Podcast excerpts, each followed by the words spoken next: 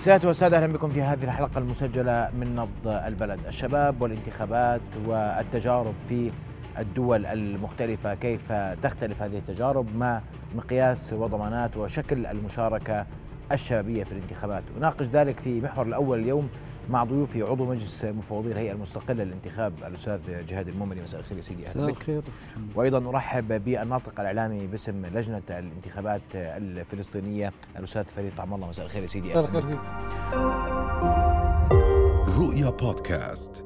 أستاذ جهاد أبدأ منك والحديث دائما عندما نتحدث عن الشباب. اليوم المرحلة هي مرحلة شباب الزمن هو زمن الشباب الواعي المثقف المدرك المشارك في الحياة السياسية والحزبية الجديدة في الأردن والموجودة في العالم مشاركة الشباب من وين؟ كيف نقنع الشباب يشاركوا اليوم؟ نعم شكرا لك أستاذ محمد ويعطيك العافية الحقيقة يعني أكثر من جهة مسؤولة عن تحفيز الشباب للمشاركة في يعني في الحياة السياسية بشكل عام ومنها الانتخابات وهي بحد ذاتها المشاركة في العملية الانتخابية مشكلة بنواجهها أكثر ما نواجهها مع الشباب. الأمر الآخر المشاركة في الحياة الحزبية. وأيضا هناك مشكلة أخرى في مدى قناعة الشباب بالأحزاب لكي تنتمي إليها. هناك مهمة ليست فقط على الجهات الرسمية أو المنظمات المجتمع المدني. الأحزاب بحد ذاتها يجب أن تقترب من الشباب. يجب أن تقدم برامج مرضية برامج تعكس هموم الشباب. حتى يقتنع الشاب بالحزب. وأيضا يجب أن نعترف بانه اهتمامات الشباب في هذا الزمن اللي أنت اسميته زمن الشباب والوقت المناسب ربما لتحفيز الشباب اهتمامات اختلفت عما كانت عليه الأمور في السابق. اليوم اهتمامات الشباب أقل شانا من السياسة وأكثر قليلا من الاجتماع. أنا بعتقد أنه ربما يكون طموح الشاب الواعي العمل الإبداعي أكثر منه العمل السياسي. يعني اليوم أكبر حزب في العالم هو حزب ال social media حزب الفيسبوك حزب الواتساب. اليوم في جروبات أكثر من الأحزاب وجروبات نشطة أكثر من الأحزاب وأيضا في آه، ناشطين على الفيسبوك أكثر نشاطا وهمة وتاثيرا من الأحزاب السياسية. هذا الأمر كله مجتمع ما دام توفرت البدائل عن الأحزاب اذا فهناك اذا آه، آه، يعني هناك فراغ هائل بين ما يحتاج الشاب وبين ما يستطيع هو بين يديه كل الأدوات المؤثرة وعلى رأسها ال social media اللي بخاطب من خلالها ملايين الناس وليس فقط أشخاص يجلسون في في حجرة. لكن هذا لا يعفينا من مسؤولية دمج الشباب أو إدماج الشباب بالحياة السياسية. هذه مهمة آه، مسؤولة عنها الجهات جهات عديدة. على سبيل المثال عندنا في الأردن اليوم نحن في الهيئة المستقلة للانتخاب نعمل مع الشباب من أجل تحفيزهم للمشاركة في الحياة السياسية. إذا كان جلالة الملك نفسه دعا إلى دعا الشباب إلى الانخراط في الحياة السياسية والحياة الحزبية ولكن ضمن ضوابط هي وضعت هذه الضوابط وهي لا تحد من حرية العمل السياسي. هذه الضوابط تنظيمية وضعت في النظام نظام نظام الأنشطة الحزبية في الجامعات. الشباب غالبا غالبا الهد يعني نحن نستهدف الشباب في الجامعات لأنه الأغلبية منهم موجودة هناك. نحن بدنا شباب واعي كمان.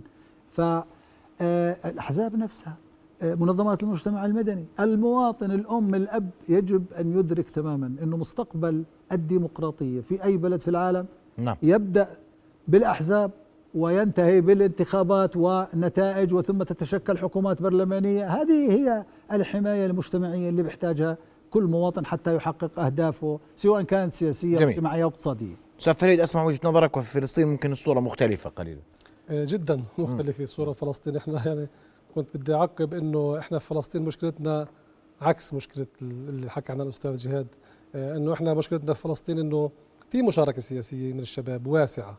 وحتى بجوز هي مشكلة إنه الشباب مؤطرين بشكل زايد عن اللزوم يعني هم بيتبعوا أحزاب ومؤدلجين وفي عندهم أنشطة حزبية وأنشطة سياسية وأنشطة في الجامعات في المدارس في الحياة السياسية في مقاومة الاحتلال ما هذا كمان أيضا مشاركة. آه، ولكن شكل المشاركة هو لا يكفي. يعني إذا بنلاحظ إنه الشباب هم في فلسطين هم وقود الثورة وقود المقاومة الاحتلال. يعني كل يوم نسمع في شهيد هون وشهيد هون وشهيد كلهم من الشباب. وأيضا وقت الانتخابات اذا بنيجي على الموضوع الداخلي وقت الانتخابات بيكونوا الشباب مشاركين بقوة في العملية الانتخابية ولكن كناخبين وكمتطوعين ومناصرين ومؤازرين ومنظمين للأنشطة الانتخابية ولكن ليسوا كمرشحين. أو ليسوا في مواقع حتى لو كانوا مرشحين ليسوا في مواقع مضمونة للفوز في الانتخابات. آه، والأرقام اللي عندنا بتعكس ذلك. مثلا أعطيك مثال. في فلسطين في عندنا النسبة العامة للتصويت آه، يعني في آخر انتخابات الشباب نسبة تصويتهم 10 نقاط أعلى من النسبة العامة للتصويت بشكل عام. يعني إنه في مشاركة بالتصويت. نحكي عن عن نسبة عالية جدا. يعني حوالي 49% من الناخبين يعني نصف الناخبين هم من الشباب اللي عمرهم أقل من 35 سنة.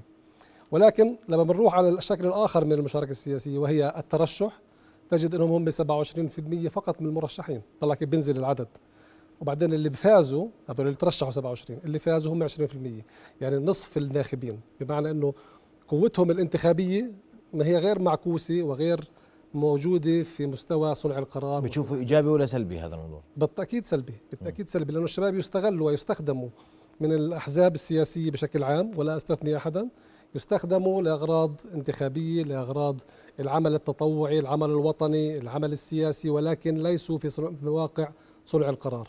فبالتالي آه، مشكلتنا في فلسطين شوي بتختلف إنه إحنا ما عندنا مشكلة إنه الشباب ينتموا للأحزاب. هم الأحزاب موجودة من الحامض للحلو موجودين كل الأحزاب عندنا من اليسار لأقصى اليمين. وموجود الشباب بالجامعات إحنا عندنا في بعض الجامعات آه، تغلقها الأطر الطلابية التابعة للجبهه للتنظيمات الشعبية للفصائل الوطنية. بيكونوا يعني هم من القوة التنظيمات بحيث إنه ممكن يسكروا جامعة عشان عندهم مطالب نقابية أو طلابية. فالمشكلة مش في المشاركة المشكلة في شكل المشاركة. في كيفيه تقنين هذه المشاركة لتكون مشاركة واعية ومشاركة في صنع القرار وفي تحمل المسؤوليات وليس فقط كوقود هذا في برامج بتشتغلوا عليها حتى توعوا الشباب على هذه النقطة. طبعا بالطبع. إحنا في لجنة الانتخابات المركزية آه، على مدار الأربع سنوات اللي بين الانتخابات نقوم بتنفيذ عشرات الأنشطة. يعني إحنا في السنة الحالية لحد الآن استهدفنا بشكل مباشر 16 ألف شاب وشابة بمشاريع آه، توعية وتثقيف وبأشكال مختلفة. من أجل آه، حثهم على ليس فقط المشاركة وإنما في الترشح يعني مش فقط المشاركة في التصويت ولكن أيضا المشاركة كمرشحين وكمراقبين في الانتخابات كصحفيين يغطون العملية الانتخابية. بالتالي أشكال المشاركة متعددة ونحن في اللجنة نحاول طبعا قدر الإمكان ولكن هذا الدور بالأساس يقع على عاتق الأحزاب السياسية. الأحزاب السياسية هي هي التي تشكل القوائم الانتخابية. إحنا بفلسطين بالمناسبة نظامنا الانتخابي بيختلف عن الأردن. الأردن أنتم بتنتخبوا أفراد. إحنا بفلسطين بننتخب قوائم. والقوائم بتكون بتحطها الاحزاب بالتالي ليس المواطن الناخب عنده قدرة إنه يختار محمد وما يختار جهاد مثلا. أنت بتختار قائمة لحزب سياسي معين. ولكن الشيء الجديد في فلسطين إنه آه، صار يظهر عندنا حراكات شبابية خارج الأحزاب السياسية. وهذه ظاهرة جديدة أعتقد في العالم كله موجودة. ولكن فلسطين برزت في أثناء تحضيرنا للانتخابات التشريعية السنة الماضية كان عندنا 36 قائمة مرشحة. 29% 29 قائمة من 36 هي قوائم غير حزبية. لا تتبع لأي حزب سياسي وإنما هي عبارة عن حراكات مجموعات شبابية مجموعات نسوية مطالب نقابات إلى آخره. فبالتالي يبدو يبدو وكأن القالب الحزبي لم يعد ملائما لتطلعات الشباب فبدأوا يبحثوا عن عن طرق أخرى للتعبير عن نفسهم على شكل حراكات وعلى شكل مطالب نقابية. مهم الكلام اللي حكاه السفري قد لا يندمج الشباب داخل الأحزاب قد لا يجد الشباب نفسهم داخل الأحزاب. التجربة الفلسطينية الشباب لا يريدون البقاء ضمن الأحزاب بدأوا يأخذون شكلا مختلفا في المجتمع. يعني ليس فقط في فلسطين. بس بدي أنبه لنقطة حكاها الأستاذ بأنه إحنا كمان ننتخب على أساس قوائم بس مش قوائم حزبية. الآن في القانون الجديد هناك قائمة عامة ستكون بالكامل هي قائمة أحزاب.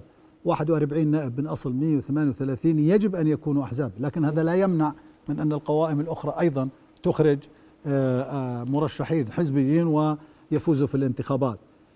آه، يعني عودة إلى السؤال. الحقيقة الشباب من الصعب إقناعهم بأي شيء في هذا الزمن؟ اللي أنا ذكرت قلت أنه في بدائل كثيرة لممارسة النشاط خارج النشاط الذهني التعليمي الإبداعي زي ما ذكرت الفني الرياضي إلى آخره في الفيسبوك. وهذا أيضا متنفس سياسي لمن لا يرغب بالانضمام إلى الأحزاب. وهناك أسباب الحقيقة في فلسطين ربما تكون أوضح الصورة من غيرها غيرها من البلدان. ما هي الأسباب؟ عندنا في الأردن إلا أسبابنا لكن يضاف لها سبب آخر كبير هو فشل الأحزاب التي خاضت التجارب في السابق في دول أخرى ليس فقط في مناطقنا إحنا ما إحنا ما أنجحنا أحزاب لتدير الدولة مثلا آه، أو تشكل حكومات أو تشارك في الحكومات. نحن إلى الآن نبدأ هذا المشوار لكن في دول أخرى الأحزاب أصبحت دكتاتورية استولت على السلطة منعت الشراكة مع أحزاب أخرى حالت دون أي شكل من أشكال الديمقراطية استبدت في الحكم ظلمت الناس دمرت البلدان. هذه النماذج هذه النماذج تخيف المواطن الأردني والفلسطيني أيضا. ما يعني ليس والعربي. أنا يعني أتحدث عن نموذجين متجاورين فبالتالي الموضوع فيه الكثير الكثير من المخاوف عند الشباب العربي بشكل عام والأردني والفلسطيني ربما بشكل خاص. الصورة تتضح في فلسطين أكثر لأنه هناك فصائل بعضها مسلح بعضها غير مسلح بعضها جماعات بعضها تتبع لأشخاص هذول جماعة فلان وهذول جماعة يعني هذه الصورة ترعب أي شخص أو شاب يريد أن ينتمي إلى حزب لأنه يدرك تماما أن هذا الحزب سيجابه بسد آه، منيع. الأردن أخف قليلا من هذه الصورة. الصورة تبدو أكثر آه، جمالا خلينا نقول إذا صحت التسمية بأنه الأحزاب لسه جميعها مبتدئة. الأحزاب طموحة تريد أن تصل ولكن هناك أيضا صعوبات. التجارب تجارب الدول المجاورة الحقيقة انعكست على المزاج العام. الأحزاب الداخلية هنا أيضا في السابق آه، يعني بديش أقول آه، يعني أنا أنا أنا من أنصار الأحزاب ومن أنصار الحزبية لكن هناك أيضا مشاكل تركتها الأحزاب التي بعضها انتهى وبعضها لا يزال يستمر أو يحاول أن يصوب أوضاعه وفق القانون الجديد. آه، الأحزاب لم تمارس الديمقراطية الداخلية بعضها وأنا أتحدث عن البعض في كل الأوقات آه، وبالتالي هي تشكل نماذج. هذه الصورة يراها طالب الجامعة يراها طالب المدرسة في الصفوف العليا آه، عندما أنا ذهبت إلى جامعات وتحدثت مع الطلاب ولكن التجربة الحزبية اللي بتمتد من عام 1993 وإلى اليوم لا تشجع. نحن الآن نتحدث عن عهد جديد فترة جديدة هناك قانون وضع. هذا القانون يشجع على العمل الحزبي يحمي المنتمي للحزب تشريعيا يحميه بموجب المادة أربعة من قانون الأحزاب. لا يحاسب الشخص على انتمائه الحزبي ومن يتعرض للمضايقات بسبب انتمائه الحزبي يستطيع أن يذهب إلى القضاء سواء كانت جهة التي تضايق آه، تضيق عليه أو شخص مسؤول يضيق عليه هو يستطيع أن يلجأ إلى القضاء. أيضا اليوم قفزة كبرى في قانون الأحزاب الجديد. هذه القفزة واكبتها آه، مرحلة التشجيع على أعلى المستوى على الانخراط في العملية الحزبية، يعني جلالة الملك يقدم حماية ملكية لمن آه، ينتمي إلى الأحزاب، هو عندما دعا من خلال رؤساء الجامعات الشباب إلى الانخراط في العملية الحزبية آه، هذه دعوة أيضا تشكل حماية نعم. لمن يرغب واضح. وهناك حماية أخرى ثالثة هي حاجتنا إلى الانطلاق إلى مربع آخر نحن الآن في مربع آه، متأخر ونرغب في الوصول إلى ديمقراطية هذه الديمقراطية لا يمكن أن تتحقق بدون عمل حزبي كيف واضح. يمكن أن تتشكل نعم. الحكومات في المستقبل نسميها حكومات برلمانية بدون أحزاب هذا طيب. سؤال أستاذ فريد الفكرة تجارب حزبية تجارب غير حزبية موضوع مشاركة الشباب من عدم بعض في الشباب يرى أن القوانين الانتخابية المجتمعات لا ترحب بالشباب اليوم. لا تقتنع بالشباب في مراكز صنع القرار. صحيح؟ هي لا تسمح وليس لا تقتنع.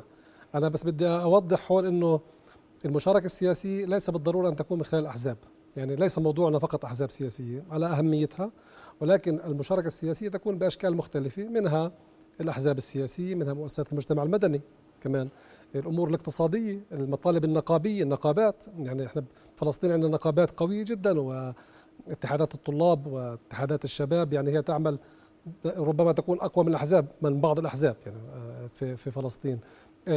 موضوع موضوع الشباب والمشاركة السياسية هو أكثر من إنه مشاركة في الانتخابات فقط.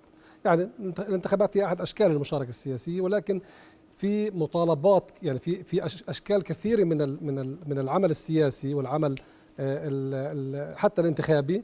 مش بالضرورة يكون يعني يكون من خلال حزب أو من خلال انتخابات فقط. وإنما هناك يعني بعض الأنشطة إحنا بنعرف فيما يسمى بالربيع العربي آه، اللي كانوا اللي عملوا التغيير. يعني نزلوا في المظاهرات بالشارع بشكل سلمي واحتجوا هم الشباب. بدون بدون وحتى انقلبوا على الأحزاب السياسية. يعني في مصر الحزب الوطني انتهى تقريبا. صح. يعني طلع طلع عندك أحزاب جديدة حركات جديدة مطالب شعبية جديدة. فبالتالي ليس بالضرورة أن تكون الأحزاب هي الهيكل الذي يحتوي الشباب من أجل ترجمة مطالبهم ل لأمور حياتية وإنجازات يومية. بالتالي فالموضوع هو يعني إحنا في علم السياسي أنا دارس علوم سياسية وبعرف إنه التغيير السياسي بيصير بطريقتين إما بالانتخابات وإما بالعنف. هلا إحنا عشان الشباب ما يروحوا للعنف لأنه في بعض الدول العربية الشباب راحوا للطرق ربما الخاطئة أو غير الصحيحة في البعض استغلهم. آه، آه، لأنه ما وجدوا يعني ما عرفوا يعبروا عن نفسهم وعن مطالبهم الاقتصادية والاجتماعية والسياسية.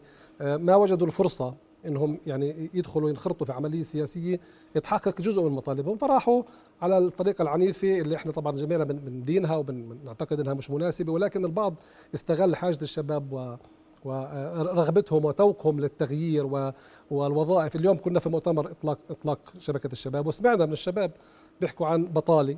يعني إحنا مش بس بنحكي عن المشاركة السياسية بنحكي عن البطالة بنحكي عن المساواة العدالة الاجتماعية. المشاركة السياسية للشباب تهدف إلى وقف القصد هذا النزيف نعم. صح التعبير. هي القصد انه إنه المشاركة السياسية هي يعيقها أيضا وجود بطالة. بيحكوا الشباب طب أنا مش لاقي وظيفة. هلا أنا بدي أدور لسه أشوف الحزب السياسي. أنا بدي وظيفة بدي أحقق ذاتي بدي أكفي ذاتي يعني ماليا وبعدين بروح بحقق ذاتي وبفكر في السياسي وفي المشاركة السياسية. فبالتالي هو الموضوع هو الطريق لتحقيق الذات. أحد ووقف اشكال البطالة والفقر طبعا. والتهميش للشباب هي المشاركة السياسية. طبعا. صحيح. تنساش إنه إحنا كمان في البيت اللي إحنا يعني الأب يعني مع احترامنا للآباء إنه إحنا بننشأ كلنا نشأنا في بيئة عربية بيكون الأب له سلطة يعني معنوية كبيرة لا تسمح للشاب يعبر عن رأيه. الراي دائما الأب أو الوالد أو أو الشيخ العشيري أو مختار البلد أو رئيس الحزب. دائما رأي الناس الكبار هو أكثر وعيا وادراكا وحكمة هيك الانطباع العام.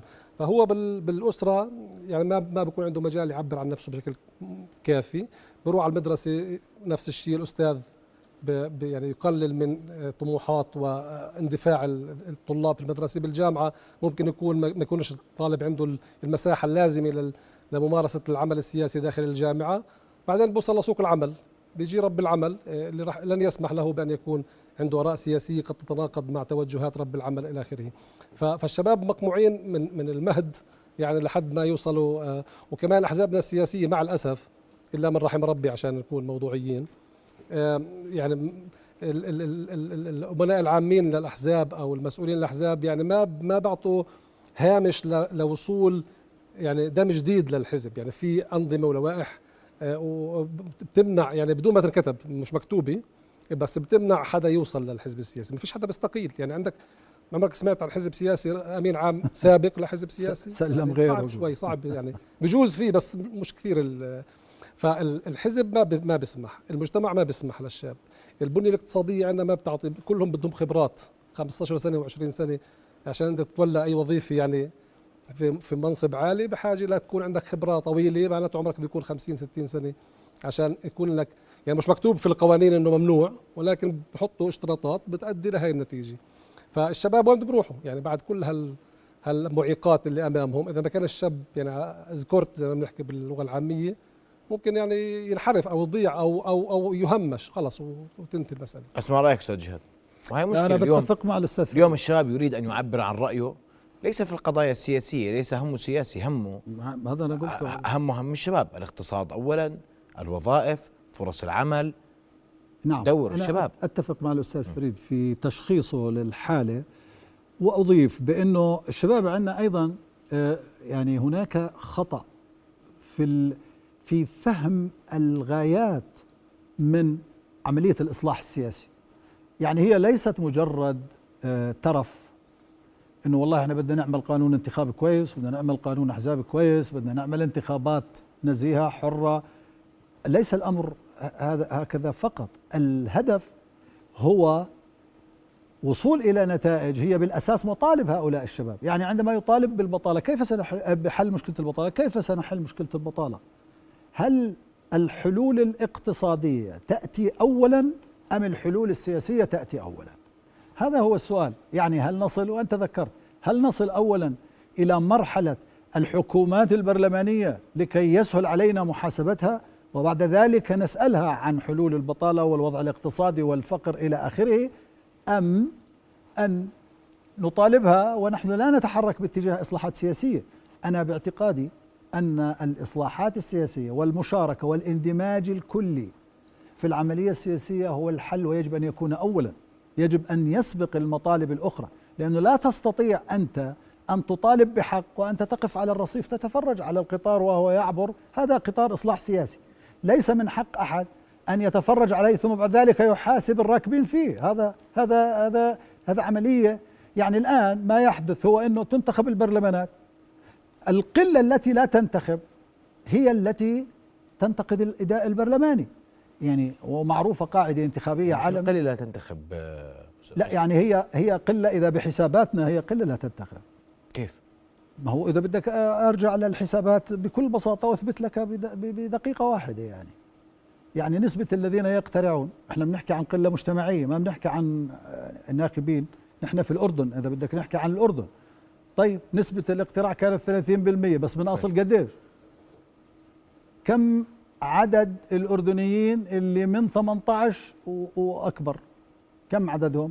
30% من يحق له الانتخاب مش هيك بنحسب إحنا؟ إحنا بنحسب إذا بدك تحسب أنا بنحكي عن أغلبية أغلبية سكانية. الذين لا ينتخبون هم فئة كبيرة واسعة عندنا القوات المسلحة الجهات الأمنية لا تنتخب ولا لا. طيب. مزبوط المغتربين لا ينتخبوا انت بتعرف مثلا عدد المغتربين المسجلين في جداول الناخبين ولا يتمكنوا من الاقتراع قديش؟ قديش؟ مليون وشوي.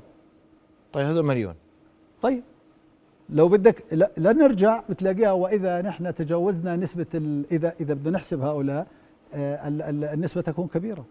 نسبة اللي لم يصوتوا ولأسباب تتعلق بغيابهم القصري يعني ال ال لما لما نقول القوات المسلحة الأجهزة الأمنية والقوات المسلحة و و و الأشخاص ذوي الإعاقة.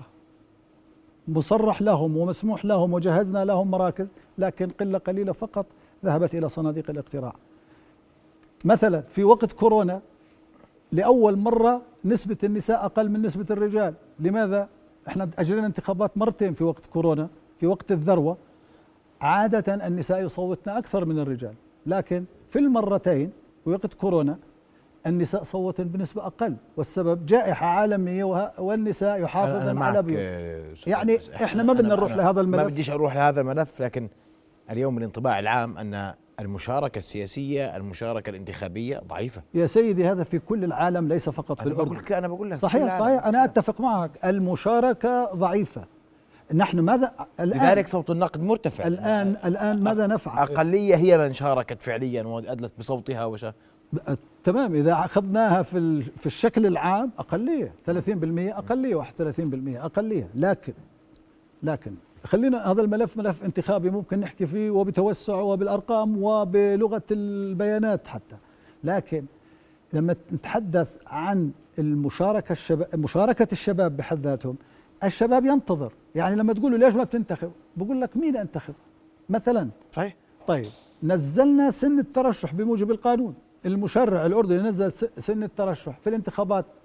كم عدد الشباب الذين ترشحوا أو رشحوا أنفسهم من بعمر 25 سنة؟ أيضا هذا سؤال يجب أن يطرح إنه الشباب هذا بدك أيضا هذه المشكلة. هي لا لا ما هذا معلش ما بنلوم الشاب ولا عمره 25 أنا ما بلومه. أنا ما بلومه. عنده ظروف. الشاب اللي عمره 25 سنة عايشهم كلهم بممنوع أحزاب ممنوع مشاركة سياسية ممنوع ثم ممنوع ثم ممنوع من المنزل. إلى المدرسة. حتى المشاركة سيدي. احزاب في المنزل الانتخاب. يا سيدي في الانتخاب وليس أنا بقول لك الانتخاب في المنزل وفي المدرسة وفي الجامعة صوته كان خافتا ملوش صوت. ممنوع يحكي اليوم بقول له أنا تعال ترشح مش سهل الأمور بدها بدها إعداد تجهيز إحنا الآن نعمل على ذلك جميل نحن الآن في الهيئة المستقلة للانتخاب وفي جهات أخرى أيضا. جميل. الدولة الأردنية تعمل على كسب كسب الشباب جميل. إلى صف المشاركة إن شاء الله. السياسية والانتخابية والحزبية. بدقيقة نعم، أستاذ فريد إحنا إن سمحت. يعني بالضبط إحنا إحنا جميعنا واضح إنه متفقين سواء في الاستوديو أو حتى الناس بشكل عام المشاهدين إنه في إشكالية في مشاركة الشباب في الانتخابات لأسباب كثيرة صعب هلأ نحصرها في جلسة زي هاي. ولكن إحنا في لجان الانتخابات العربية في المنظمة العربية للادارات الانتخابية حبينا نساهم لا ندعي إنه إحنا- إحنا رح نحل المشكلة. فاحنا رح نساهم في آه، إيجاد حلول تشجع الشباب تبني قدراتهم في الدول العربية كافة. وعشان هيك كان في عندنا إطلاق الشبكة العربية للشباب في الانتخابات. بالتالي هذا نأمل- جهد نأمل. متواضع وبسيط من الادارات الانتخابية العربية. نأمل نأمل إنه يكون مقدمة لا. نأمل لذلك النجاح وبدي أشكركم ضيفي الكريمين وبعد فاصل قصير رح نسمع رأي الشباب آه، بما أوردتم وبالمشاركة. لا يا سيدي دائما. آه، الشباب آراؤكم. هم ارائهم آراؤكم مقدرة ومحترمة وبالعكس نتعلم منها ونستفيد منها دائما. شكرا شكرا. بعد فاصل قصير مشاهدينا نواصل ابقوا معنا.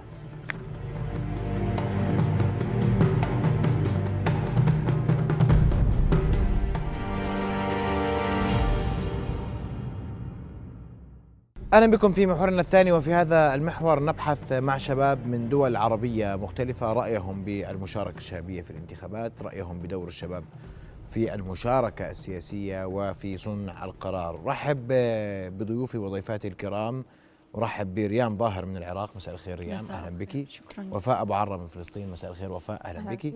وأيضا علاء العروش من ليبيا مساء الخير علاء مساء الخير. أهلا بك أبدأ منك ريام والسؤال اليوم العراق وضع مختلف حالة سياسية مختلفة ويشهد حراكا سياسيا ومظاهرات وإلى آخره. اليوم تقييمك للمشاركة الشبابيه في العراق ورأيك بدور قانون الانتخاب في تعزيز هذه المشاركة أو إضعافها. تفضل. آه، تمام. آه، شكرا جزيلا أستاذ. أني برايي الشخصي لحد الآن في المنطقة العربية لا يوجد تمثيل حقيقي آه، للشباب سواء في العملية السياسية الانتخابية أو حتى في إدارة الحكم بالرغم من انه الشباب هم اللي قادوا احتجاجات وثورات لتغيير أنظمة وتغيير آه، سياسي آه، آه، ديمقراطي أكثر مما حصل بمصر تونس وبالعراق. إحنا احتجاجات خاصة احتجاجات تشرين اللي صارت في 2019 ظهرت لنا طاقات شبابية آه، هائله انصنعت آه، أحزاب سياسية ناشئة آه، موجودة. صار أنه تغيير بس كانت تغيرات طفيفة. لحد الآن أنه دور ال- الشباب آه، أبد مو- أبد بس كلش قليل يعني أبد مو فعال أنه دورهم جدا محدود داخل السلطة ال- سواء داخل السلطة التشريعية أم خارجها. آه، ماكو استجابة من الأنظمة ذات الطابع الكلاسيكي اللي عندنا ال- ال- الأحزاب ال- ال- المهيمنة على آه، ال- السياسة آه، عندنا عندنا ضعف آه، تمثيل الشباب يعني داخل ال- السلطة التشريعية ب- بصورة عامة. بالرغم صار شيء إيجابي أنه قللوا من نسبة الترشيح من آه، 35 إلى 28 سنة يقدر الشاب يرشح ويدخل داخل آه، البرلمان. لكن مثل ما آه، ذكرت إنه آه، دورة كلش آه، يعني دورة مو فعال ودورة محدود جدا صعب إنه يختار أو يغير قرارات أو سياسات عامة أو يقدر يحقق مطالب ال- الشباب. الأحزاب يعني بالعكس صارت إنه استقصاء أكثر للشباب. هنا صار خوف من ال- الأحزاب المهيمنة. من الشباب قاموا يخافون على مصالحهم العامة آه، إلى آخره. همنا من الأفكار ال- الليبرالية أو العلمانيه لدى ال- ال- ال- الشباب حاليا فصل الدين عن الدولة إلى آخره. فصار أكثر بالعكس آه، تهميش دا أشوف آه، للشباب. آه، عدا هاي ذكرت يمكن آه، قوانين. آه، إحنا بس مع- ابحث معك آه، القوانين أوكي. والمشاركة السياسية والحزبية وأسمع رأيك أستاذ وفاء. اليوم التجربة الفلسطينية مختلفة. قبل قليل ضيفنا تحدث أن هناك مشاركة واسعة من الشباب الفلسطيني في في الانتخابات وإن تنعكس حقيقة على نتائج تلك الانتخابات. واليوم يتحدث عن عزوف شبابي عن الأحزاب القائمة أو الفصائل القائمة والبحث عن جديد. كيف هو حال الشباب الفلسطيني اليوم وكيف هو رأي الشباب الفلسطيني من ناحية المشاركة في الانتخابات وفاعلية الإنجاز في التشريع والرأي. تمام. أهلا فيك محمد. أول شيء أنا بعتقد إنه الوضع الفلسطيني بناء على الإحصاءات اللي تم طرحها في المؤتمر الأخير آه، في عمان إنه الوضع الفلسطيني كثير أحسن من باقي الدول يعني وضع جيد جدا في مشاركة الشباب. لكن أعتقد أنه المعيقات اللي بتواجه الشاب الفلسطيني آه، ضروري أن نربطها في الدرجة الأولى في الاحتلال. إحنا عندنا احتلال إسرائيلي يعيق الحركة العامة للشعب الفلسطيني وفي التحديد للشاب الفلسطيني. آه، الشيء الثاني أنه إحنا من 2006 إلى الآن ما صار في عندنا انتخابات عامة في فلسطين. الشيء الثالث إنه الأحزاب السياسية يعني ما بتعطي أو ما عندها برامج جيدة لجذب الشباب لتشارك معها في في هاي الأحزاب. أعتقد إنه الشاب الفلسطيني اليوم هو آه، عنده التوعوي التوعوه السياسية الجيدة لحراك سياسي جيد. لكن بحاجة لأمور ممكن إنها تكون داعمة له وقادرة على إنه إثبات الحق الفلسطيني وحق الشاب الفلسطيني. أه، أستاذ علاء أه، أنتقل لك حديثنا يعني عن ليبيا. ليبيا تجربة مختلفة ولك تجربة واسعة في العمل في المجتمع المدني الليبي. واليوم ليبيا أه، تشهد انقسامات تشهد اختلافات. أين الشباب من كل ذلك؟ في البداية سعيد جدا بوجودي في الأردن والمشاركة في المؤتمر الإقليمي للمنظمة العربية للانتخابات لإدارة الانتخابات وإطلاق حدث مهم وهو تعزيز دور الشباب آه، واطلاق الشبكة العربية تعزيز دور الشباب آه، من خلال آه، هذه الشبكة ممكن يعني نربط العمل المدني بتاعنا في في موضوع الشبكه هو أول شيء التأكيد على أهمية دور المشاركة الشبابية، ثاني شيء هو تعزيز التواصل وبناء العلاقات على مستوى إقليمي وعلى مستوى المنطقة العربية لمشاركة الخبرات والتجارب. آه، ثالث شيء هو تعزيز ودور المشاركه الشبابية في ضمان آه، تعزيز التنمية والاستقرار. من خلال تجربتي في في ليبيا ومن العمل على تعزيز المشاركة الشبابية ومن خلال العمل مع المنظمات الدولية في تعزيز المشاركة الشبابية في بناء السلام وفي عملية التحول الديمقراطي. ممكن نجاوبك إن ليبيا مرت بثلاث تجارب. التجربة الأولى هي كانت تجربة انتخابات المؤتمر الوطني العام في 2011 التجربة الثانية هي في نهاية 2013 هي انتخاب لجنة صياغة الدستور. التجربة الأولى لم يكن فيها مشاركة أو تمثيل للمشاركة الشبابية بحكم أن كان في أحزاب تكون هذه الأحزاب نتيجة لتحالفات منها تحالفات أيديولوجية تحالفات مصالح يعني مشتركة. التجربة الثانية هي لجنة صياغة الدستور وهي تعتبر أن اللجنة هذه هي المؤهلة ومنتخبة من الشعب لصياغة الدستور الليبي اللي من هنا ممكن يضمن كافة الحقوق والحريات لجميع المواطنين. وللأسف حتى اللجنة لم يكن فيها تمثيل كافي للشباب كان فيها تمثيل على مستوى مناطقي على مستوى أحزاب. ومن هنا ممكن بدأت الأزمة السياسية في ليبيا آه، التأزم. يعني ممكن من ثمان سنوات السبب الرئيسي هو عدم آه، آه، نهاء أو انتهاء مشروع الدستور اللي من خلاله ممكن أن يضمن هذا الدستور جميع الحقوق والحريات. التجربة الثالثة هي انتخابات مجلس النواب في عام 2014 ومن 2014 إلى اليوم هذا تسبب المجلس النواب في حدث آه، انقسامات سياسية آه، تصعيد في في الأزمة زيادة آه، عدم تقبل الشباب والمجتمع بصفة عامة المشاركة السياسية وأصبح المجلس النواب منقسم على نفسه. عدم احتراف أو انتهاء ولاية هذا المجلس النواب لمدة أربع سنوات وجدد لنفسه أربع سنوات أخرى وانتهت هذه الفترة وما زال مستمر في في الحكم. ففي مسألة ثقة في مسألة عدم المصداقية وعدم لكن الشباب اللي بيعازف عن المشاركة آه, آه لم تتاح لنا الفرصة.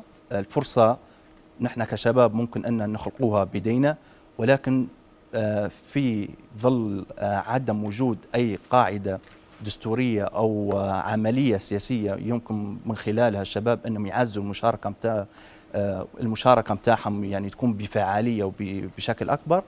التحدي الآخر ممكن أن عدم وجود أحزاب سياسية تنتهج ممكن نهج آه، وسطي ويكون آه، تستخدم مثلا في أدوات وتؤمن بعملية تحول ديمقراطي يعني ممكن أغلب الأحزاب آه، في في ليبيا ما يؤمنوش بعملية التحول الديمقراطي مجرد ما إنه يصير فشلهم في في الانتخابات سواء النيابية والله المحلية يستخدموا في أذرع عسكرية للدفاع عنهم.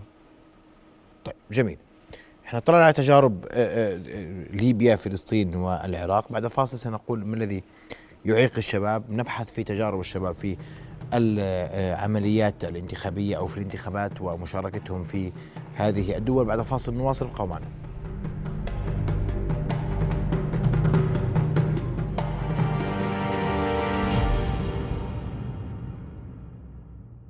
نواصل حوارنا وضيوفنا من الشباب العرب وريام أعود لك بالسؤال أين حيث توقفنا وذكرت أنا موضوع قوانين الانتخاب وكم تدفع هذه القوانين بالشباب للمشاركة من عدمها في العملية السياسية. تمام. آه، إحنا عندنا الشروط الموجودة في في القوانين لعملية التوظيف في المناصب الإدارية العليا مثلا وزير وكيل وزير. آه، الشباب اليوم دا يشوفوا هاي مطالب تعجيزيه لأنه هم يطلبون مثلا شخص عنده خبرة 15 سنة فهو الشاب يتخرج عمره 23 أو 24 سنة يحتاج 15 سنة خبرة يعني تقريبا عمره صار 40 سنة. هنا حتى ما نقدر آه، نحسبه من فئة الشباب. فهنا إنه تكون مطالب تعجيزية على آه، آه، الشاب نفسه بطريقة أو أو بأخرى فهنا إحنا نحتاج تعد آه، مراجعة وتعديل قوانين الانتخابات والتوظيف والعمل حتى إنه الشاب يقدر إنه يدخل بهذا المجال ويمارس دوره ويكون عنده دور فعال. لكن ما بعد أحداث تشرين وما بعد المظاهرات الأخيرة وحتى الموقف الحالي في في العراق. الكل يعول على الشباب العراقي. الشباب العراقي لا يريد أن يبقى المشهد كما هو صحيح؟ صحيح صارت احتجاجات وصار آه، عدة آه، آه، حركات قامت بها أحزاب سياسية ناشئة بهذا المجال. بس مثل ما قلت لك همين قبل شوية أوكي هو صار تغيير على مستوى معين. دخلوا البرلمان يعني مؤسسات الدولة إن كان تشريعية أم تنفيذية أو إلى آخره. بس دورهم بقى أنه كلش محدود. آه، دورهم غير فعال آه، قادر الشباب اليوم سؤال مهم اليوم قادر الشباب على اتخاذ قرار على تغيير تشريعات؟ لا. ومش قادر؟ أبد. لو كانت هناك مشاركة سياسية للشباب وامتلك الشباب زمام المبادرة أي تغيير سيصنعون؟ البعض يقول لا يملك الشباب شيئا لتغيير واقع حال. واقع حال من انقسام سياسي واقع حال من أزمة اقتصادية. هل يملك الشاب برأيك؟ أه بالعكس إذا اليوم نخليها على الشباب فهم أكثر انفتاحا وأكثر تفكير ديمقراطيا نقدر نقول من الأحزاب المهيمنة حاليا اللي هي عندهم الفكر الريد راديكالي هسه الشاب همنا بسبب وجود المنظمات الدولية ومنظمات مجتمع مدني. أه صار عندهم انفتاح ووعي على كثير من القضايا بالبلد اقتصاديا اجتماعيا إلى آخره. آه، عندنا كثير من ريادين اليوم بال بالفئة الشبابية. اليوم الشباب يشكلون خمسة بالعراق 65% من نسبة السكان يعني شريحة كلش كبيرة بالمجتمع جميل. ودورهم جدا فعال ومهم فاليوم بالعكس إذا إحنا ننطيهم هذا صدق الدور الفعال راح يصير تغيير جدا واضح و وملموس بعدة قضايا سواء اجتماعيا أو اقتصاديا أو حتى سياسيا نفسه كونهم هم أكثر تواقين للتغيير. جميل. وأكثر منفتحين ومتطلعين للسياسات واضح. الجديدة وإلى آخره. طيب وفاء أسمع آه، في, في ذات الإطار أنت لك تجربة. أسمع عن هذه التجربة ونصيحتك للشباب بعد هذه التجربة اللي خضتوها وانت خضتي عمل نقابي وترشحتي نقابيا. تفضلي.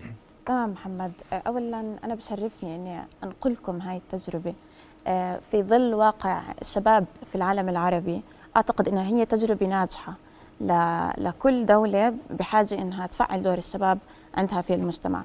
آه، الهيئة الفلسطينية للإعلام وتفعيل دور الشباب بيلارا من خلال مشروع تواصل عملت نقابات صورية، نقابات ظل داخل الجامعات الفلسطينية في الضفة وغزة. الآن هاي النقابات هي امتداد للنقابة الصحفية الرسمية في فلسطين آه، وهي بتخص آه، الصحفيين بمعنى إنه بصير في عندنا انتخابات رسمية بالشراكة مع لجنة الانتخابات ونقابة الصحفيين الرسمية. من خلالهم بتصير في انتخابات كاملة بيخضع لها الطلاب بيمارسوا حقهم بالتصويت بيعيشوا التجربة كاملة. فبيكون في في عنا إحنا متطلبات انك كصحفيين في هاي الجامعة كنا حابين تكون موجودة. فالآن الفرصة متاحة لك يعني أنت ما بتستنى إنها تيجيك الفرصة لا أنت موجود فيها اعمل أنت إيش بدك. فبتخيل إنها تجربة كثير مهمة وأحدثت نوع من التنافس بين النقابات داخل الجامعات. هذا التنافس محبب. صارت كل نقابة بدها بدها تفرجي إنه إحنا عندنا عندنا طاقات عندنا قدرات عندنا أنشطة. بنقدر نوثق الانتهاكات اللي عمالها بتصير للصحفيين داخل داخل مثلا الضفة الغربية أو فلسطين بشكل عام سواء من السلطة الفلسطينية أو من الاحتلال. كمان إحنا قادرين على إحداث خطاب إعلامي جيد. هذا الخطاب الإعلامي طبعا ما بدي أحكي لك شو دور الإعلام كمان في تفعيل دور الشباب بالمجتمع بشكل عام. فإنه إحنا من خلال هاي النقابات ممكن نضرب خلينا نحكي عصفورين بحجر. اولا بنقوي دور الإعلام للشاب الفلسطيني وكمان بنرسخ فكرة الانتخابات ومنعيشه تجربة حقيقية بيقدر من خلالها إنه يمارس ويطبق تشهد مشاركة وفاء من الشباب هاي هذا النوع من الانتخابات؟ كمان مرة. تشهد مشاركة من الشباب؟ آه ما كانت نسبة التصويت في في الانتخابات اللي إحنا أجريناها 98% وأنا أعتقد إنه ال 2% اللي ما صوتوا لأنه كان بالنسبة لنا إحنا الجامعة العربية الأمريكية يوم الخميس هو يوم خلينا نحكي الترويحه تاعت آه، فلسطينيين الداخل. فلها وإحنا عندنا في في القسم اللي هو قسم اللغة العربية والإعلام في عندنا نسبة من الداخل الفلسطيني. فكان في هذاك اليوم يعني مجبرين الطلاب بيروحوا فعلشان هيك أنا أعتقد إنه هدول 2% فقط ما صوتوا. ولا لو كانوا موجودين أنا متاكد إنه بتكون نسبة التصويت 100% وهذه المشاركة برأيك؟ وهذه التجارب بتخلي الشباب يقبلوا أكثر على الانتخاب يقبلوا نعم صحيح. أكثر ومش بس هيك كمان محمد التجربة هاي هي تعطيك واقع حقيقي إنك أنت بكرة بس تروح على سوق العمل تكون أنت عارف إذا كنت في مكان صنع قرار اولا إيش إيش المفروض تعمل؟ إيش المفروض تسمع المجتمع؟ إيش هو بحاجة؟ ممكن تكون وجهة نظرك قبل ما تكون في مكان صنع القرار تختلف عن ما أنت فيه. يعني مرات في أشياء إحنا بنكون حاسينها إنها ليش ما بيعملوها؟ ليش ليش ليش ما بيطبقوها؟ لكن لما تكون في هذا المكان بتصير تفهم. فأنا يعني وجهة نظري بتقول إنه لازم الشاب الفلسطيني أو العربي يخوض تجربة الانتخابات من هو في المدرسة من خلال هاي المبادرات اللي بدها تصير بالشراكة مع مع المجتمع المحلي مثلا. كان في عندي تجربة سابقة كأصغر رئيس آه، بلدية في عندنا في المحافظة وكانت هاي مبادرة من المدرسة الخضراء. فأنا أعتقد إنه مثل هاي المبادرات هي ناجحة آه، ولو ما كان الفاعلية لها آنية بنقدر نحكي وأنا متأكدة إنها هي لها لها على المدى البعيد شيء كثير منيح. على المدى البعيد وهذا يعزز المشاركة الشبابية. ومن تجربه انت أنت خطي تجربتين بمعنى وفاء مش هيك؟ آه صحيح. وبتشجع الشباب على خوض مثل هذه التجارب؟ وقد تخوضي تخوضي تجربة ثالثة أوسع. أه بتخيل إنه لو ما عشت تجربة النقابات داخل الجامعات ممكن يكون عندي تردد إني أشارك بعد هيك. لكن إنك تعيش التجربة هذا بيسهل عليك وبيسر لك الأمور لأنك تعيش تجربة حقيقية أكثر وأكبر فيما بعد. نعم، علاء بدي أسمع آه، في في ذات السياق وجهة نظرك ما الذي يدفع الشباب نحو المشاركة؟ آه. اليوم في العراق يشارك الشباب من أجل التغيير لأنهم غير راضون عن حال العراق اليوم. في فلسطين يشاركون لأنهم يريدون تفنيد ما يحدث من قبل الاحتلال ويريدون أيضا التغيير وإنهاء الانقسام وانهاء مظاهر ما يحدث. في ليبيا ما الذي يدفع الشباب المشاركة من عدمه اليوم؟ آه، أكيد هو أول شيء التغيير تغيير يعني ممكن يكون له عديد من الأبعاد.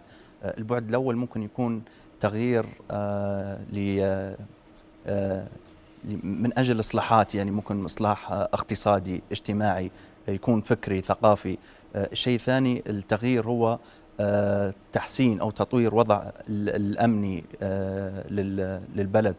آه، لكن السؤال هو هل الشاب يعني عنده المعرفة الكافية والأدوات انه يساهم في في في في هذا في هذا التغيير وانه يكون متأهل وعنده الخبرة الكافية انه يكون صانع قرار.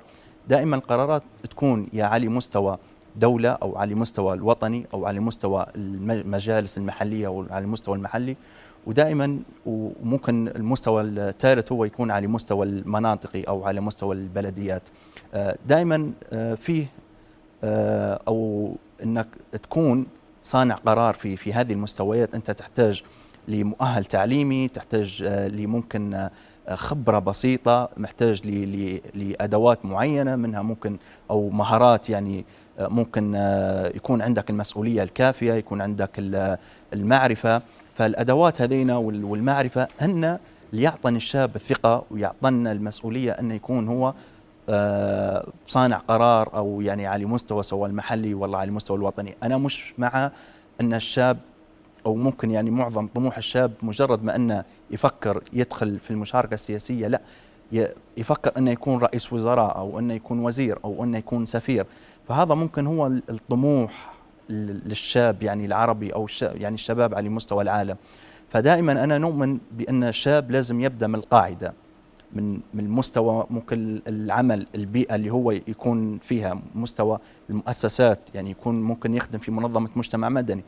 أنت ما دام أنك قائد في في هذه البيئة أو في هذه المؤسسة فأنت هنا تبدأ تعرف كيف تواجه التحديات تعرف كيف تكون صانع قرار تعرف كيف تحمل مسؤولية.